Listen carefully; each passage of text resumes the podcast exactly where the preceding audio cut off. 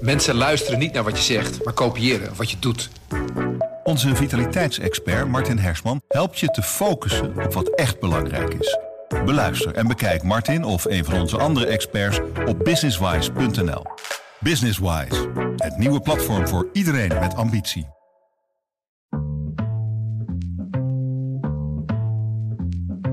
De PCT deze week is een podcast waarin we in gesprek gaan met de makers van onze journalistieke producties. We praten over het proces en we gaan op zoek naar de drijfveer om nu juist dit verhaal te maken. Vandaag praat ik, Noortje de Kroo, met algemeen verslaggever Eldridge Penturi en regioverslaggever Bob Maas. Voor de PCT maakte zij een dossier over wat de zaak Ischelle zou gaan heten. Precies een jaar geleden verscheen er een eerste bericht over deze jonge vrouw uit Oostburg op onze website. De 29-jarige Ischelle van de Velde werd vermist. Maar wat begon als een vermissingszaak, werd een moordzaak. En vandaag blikken we terug op wat we tot nu toe weten. Eldridge en Bob, welkom. Dank je. Goed. Ischelle werd voor het laatst gezien op 14 december 2020. En twee weken later, op 1 januari 2021, zag onze collega van de internetredactie een bericht voorbij komen op uh, social media over een vermissing. Dat was ons eerste bericht op de site van de PZC. Wat gebeurde er nou eigenlijk rond die tijd in Oostburg? Nou, ik weet nog dat uh, Eldridge, jij had uh, internetdienst en jij had uh, contact gehad met, met haar broer. Ja, klopt. Um, ik zag in de groepsapp voorbij komen dat we contact konden opnemen met Jeffrey van der Velde, de broer van Iselle. En er zat ook een nummer bij. Um, dus ik heb gebeld met Jeffrey en gevraagd van, goh, we hebben, je, hebben jullie oproep gezien en ja, wat gaat er nou eigenlijk zondag gebeuren? En toen zei Jeffrey, nou, we gaan met uh, Signy-honden zoeken naar mijn zus. Um, Want wat stond er precies in dat bericht? Ja, in het bericht uh, stond dat uh, Ischelle al uh, twee weken was vermist. En dat ze eigenlijk nu naar buiten waren gekomen om, om naar haar te zoeken. En nou ja, goed, dat gingen ze nu opschalen door, door Signy-honden te laten zoeken. Bij de winkel van haar. En toen heb ik Bob gebeld, want die had dienst in Zuid-Vlaanderen. En gezegd dat, dat we bij die zoekactie aanwezig mochten zijn. En we hebben ook Camille Schelstraat meegestuurd om een foto te maken en om ook een video te maken. Dus ja, dat was eigenlijk het eerste contact. En toen kwam Bob ja, in contact met de familie. Ja. En hoe ging dat uh, eerste contact? Nou, ik ben die volgende ochtend ben ik gewoon naar Oostburg gegaan. De familie die stond daar bij de winkel van Ischelle. Wat was het, uh, de winkel? Uh, kun je daar ook even iets over vertellen? Ja, het was een, een, een, een naaiwinkeltje. Had ja. ze. En ik ben daar toen naartoe gegaan en ze stonden daar met een, een mannetje of vier, vijf. stonden ze daar. Ik ben er met Camille naartoe gegaan en gezegd van wij willen graag een verhaal maken. Vinden jullie dat goed? Ja, dat is prima, maar blijf wel een beetje op afstand. Uh, we willen het, ja, het is natuurlijk een emotionele bijeenkomst. Ja. En ook voor de honden, want uh, die moeten niet te veel afleidingen hebben.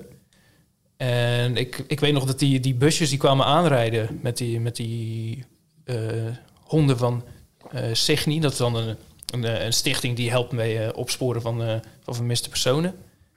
En die, die stapte uit die auto en ze, ze kregen een, een kledingstuk uh, van Ischelle kregen ze voor hun neus.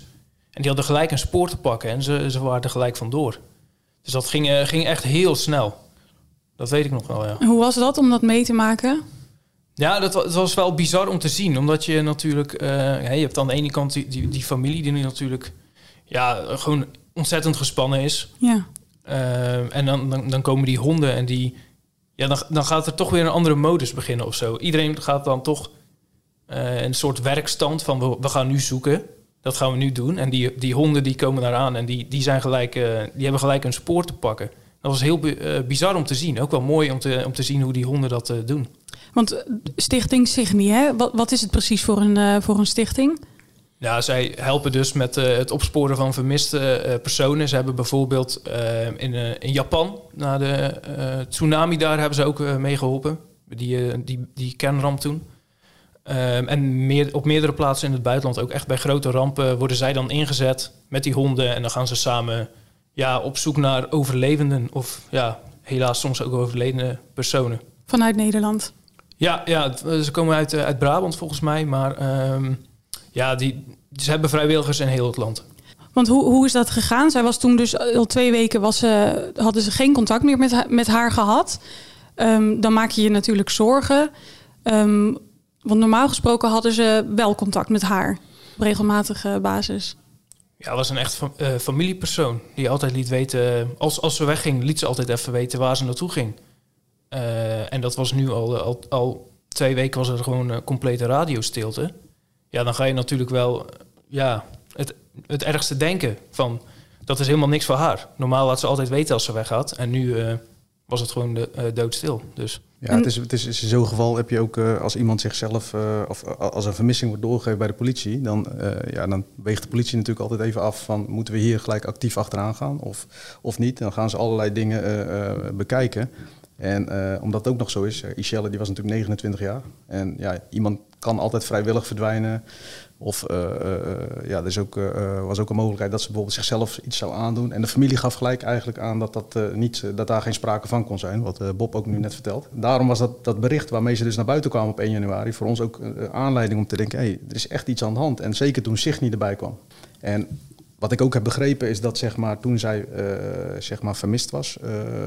Want ze was voor het laatst gezien in december. Toen is in die tussentijd is er wel het een en ander gebeurd, ook van politiekant. Eh, hebben ze het ook wel opgepikt als een, uh, als een vermissing. Ze hebben onder meer DNA-sporen bijvoorbeeld van de familie uh, opgevraagd om eventueel uh, zeg maar te kunnen ver, ja, vergelijken. Um, alleen het werd nog geen, geen echte vermissingszaak waarbij ze ook uitgingen van een misdrijf. Dus er was in die tussentijd wel al contact geweest met de politie, maar die wachtte ja. dan eigenlijk nog, um, nog af. En in de tussentijd heeft de, de familie zelf alvast contact gezocht met die, uh, met die stichting? Um, Om ja. alvast iets te doen. Nou ja, kijk, de familie heeft, uh, heb ik ook uh, begrepen, niet, niet stilgezeten. Want ja, die gingen zelf natuurlijk allerlei gangen na om te kijken van ja, waar zou ze kunnen zijn. En, uh, alleen ze kwamen niet verder. En uiteindelijk hebben ze in overleg met de politie op 1 januari gezegd van nou ja, we gaan nu naar buiten. Ja. En ja, daarna kwam het in een stroomversnelling, omdat er zeg maar, um, zeg maar uh, het reguliere team. Het, het, is zo dat het eerste team wat, wat zeg maar daar uh, op ingezet werd, waren gewoon, uh, ja, ze noemen dat blauwe petten, de gewone politieagenten. Mm -hmm. En die hebben dan als taak daarbij een, dat noemen ze familieagenten. Dat zijn nog geen familieregisseurs, dat is weer een andere tak. Maar die familieagenten die onderhouden dan contact met de familie.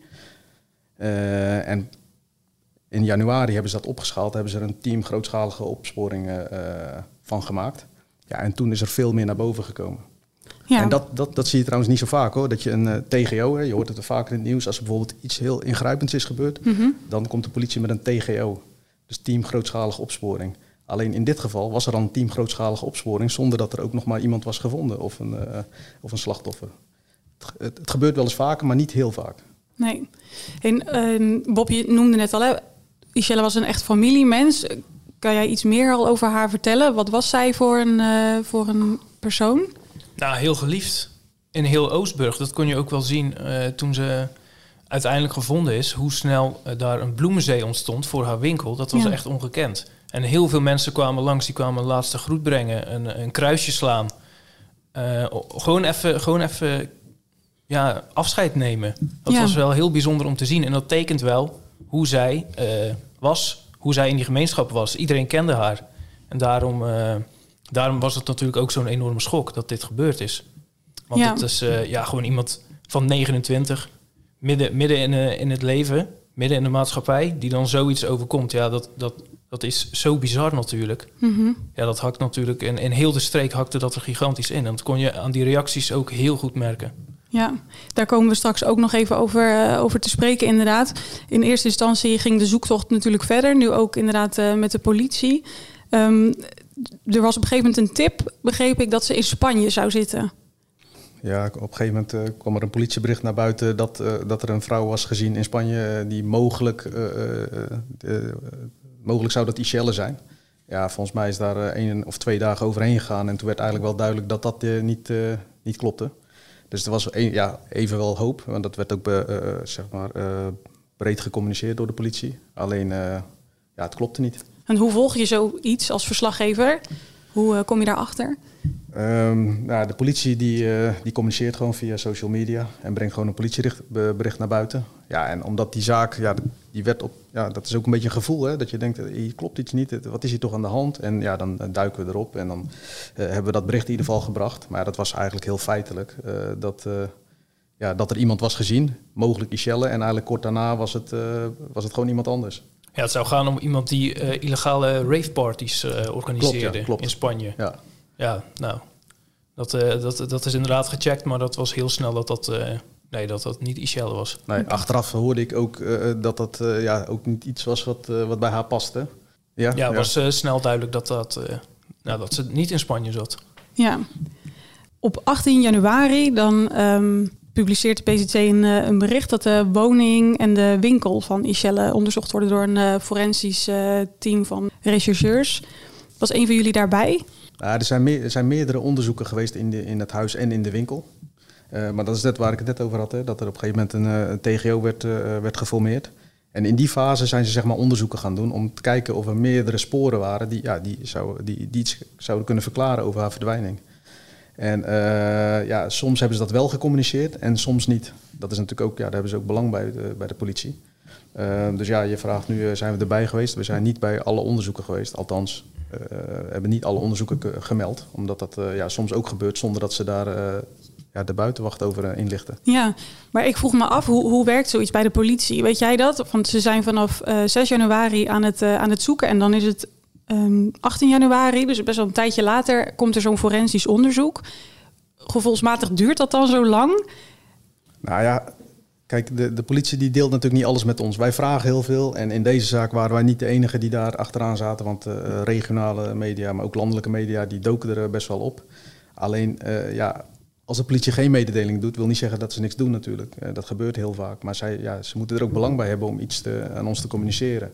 En eh, ja, als bijvoorbeeld in die straat, als ze zien dat daar een wit busje staat, eh, mensen met witte pakken, ja, dan willen ze nog wel eens communiceren, omdat dan mensen op straat het ook kunnen zien. Maar in dit geval ja, hebben ze gewoon heel veel sporen willen, willen verzamelen, zodat ze daar verder mee kwamen in het onderzoek. En, eh, ja, en of dat nou voor, voor, voor ons lang duurt, ja, dat, eh, ja, je kan dat ook niet allemaal eh, ja, binnen, eh, binnen een paar uur regelen natuurlijk. Op een gegeven moment is het eh, februari en dan ehm, is er een soort doorbraak. Hè? Dan wordt er een, een vrouw van 44 uit Aardenburg, die wordt gearresteerd voor de vermissing. Eh, wij zijn bezig met de vermissing van Ishelle, die sinds half december weg is. We hebben vanmorgen een vrouw aangehouden uit Aardenburg. En zowel in haar woning als in haar winkel in Oostburg eh, doen we uitgebreid onderzoek vandaag. Eh, inmiddels weten we dat dit eh, Sandra H. is. Ehm, Bob, jij hebt politiewoordvoerder Alwin Don toen gesproken. Hoe gaat zo'n gesprek? Nou, ehm, ik weet nog dat eh, nog voordat de politie naar buiten kwam met het bericht van eh, dat er in Aardenburg iemand gearresteerd was, kregen wij al berichten binnen van er is iets aan de hand hier op de markt in Aardenburg. Er waren hele grote zwarte schermen opgetrokken. politie was er met heel veel eh, machtsvertoon eh, aanwezig. Dus toen wisten wij al van hier, hier is wel iets aan de hand. We kregen heel snel foto's al binnen en dan kon je ook alles gewoon zien. Hè? Die, die grote schermen en al die, al die agenten die daar rondliepen.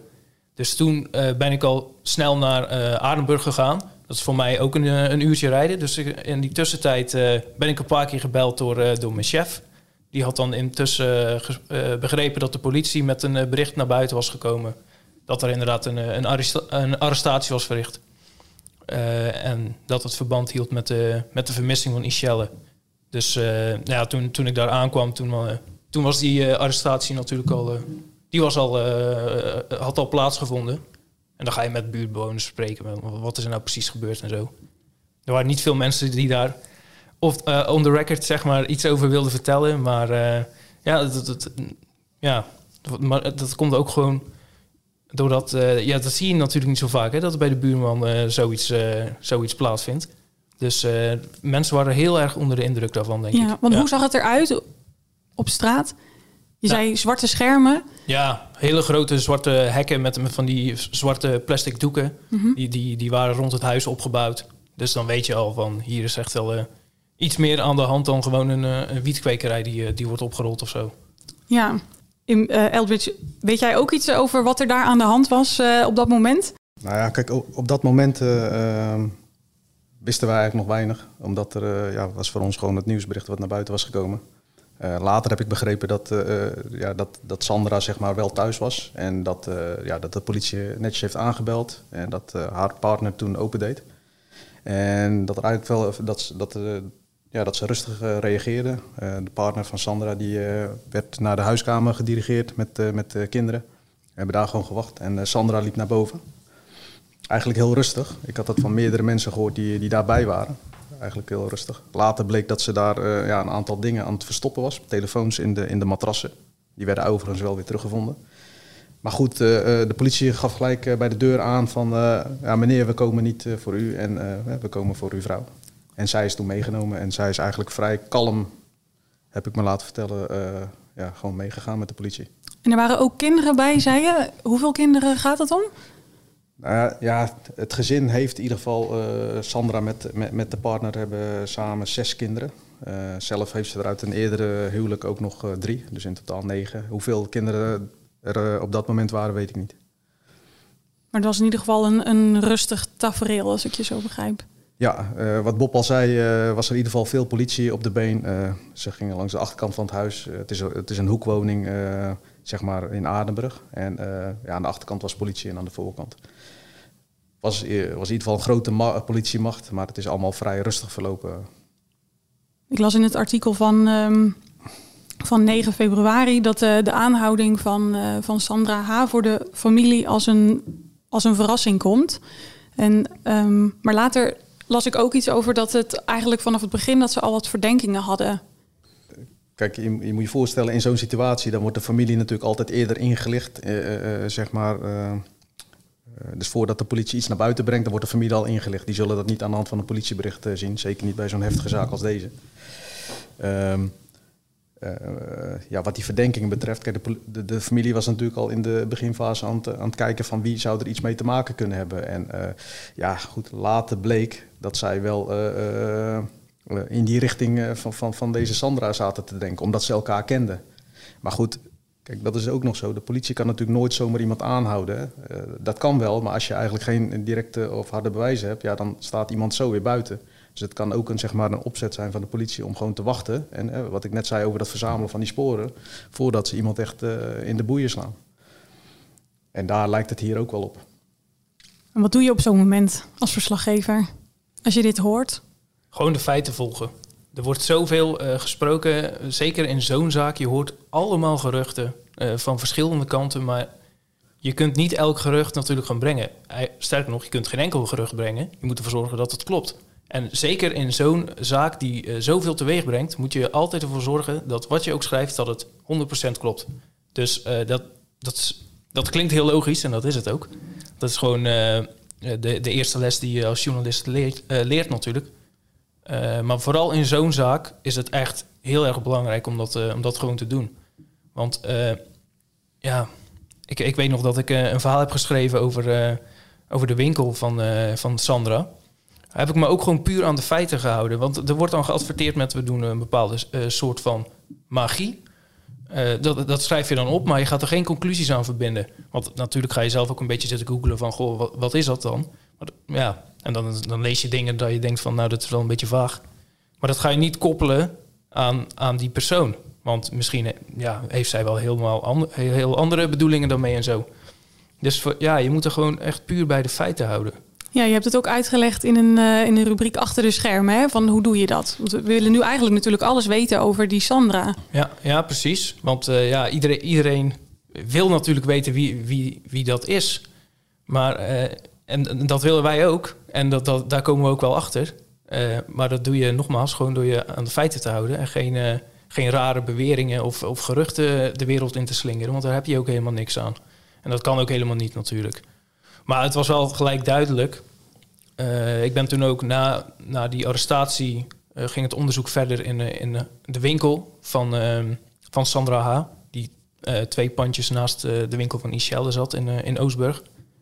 Ja, was wel duidelijk dat er iets aan de hand was natuurlijk. Want het, het leek wel CSI. Er waren zoveel... Nou, er liepen heel veel ja, maanmannetjes, hè, zoals wij ze noemen. onderzoekers in, in witte overals ze waren uh, echt minutieus het, het, het, pand aan het, aan het doorzoeken. De politie stond er ook weer bij in grote getalen aanwezig. Ja, dus het was wel duidelijk van hier, deze winkel is wel een, een speel in deze, in deze zaak. Ja. Bob Eldridge, dank jullie wel. Met de arrestatie raakte de vermissingszaak van Ishelle in een stroomversnelling. In de aflevering van volgende week horen we meer over de verdachte Sandra H. en alles wat we tot nu toe over deze zaak weten. Dit was de PZC deze week, waarin ik, Noortje de Kroo, sprak met verslaggevers Eldridge Penturi en Bob Maas over Ischelle van de Velde. Bedankt voor het luisteren. Tot volgende week.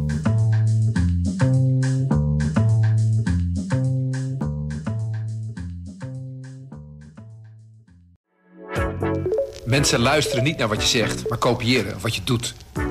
Onze vitaliteitsexpert Martin Hersman helpt je te focussen op wat echt belangrijk is.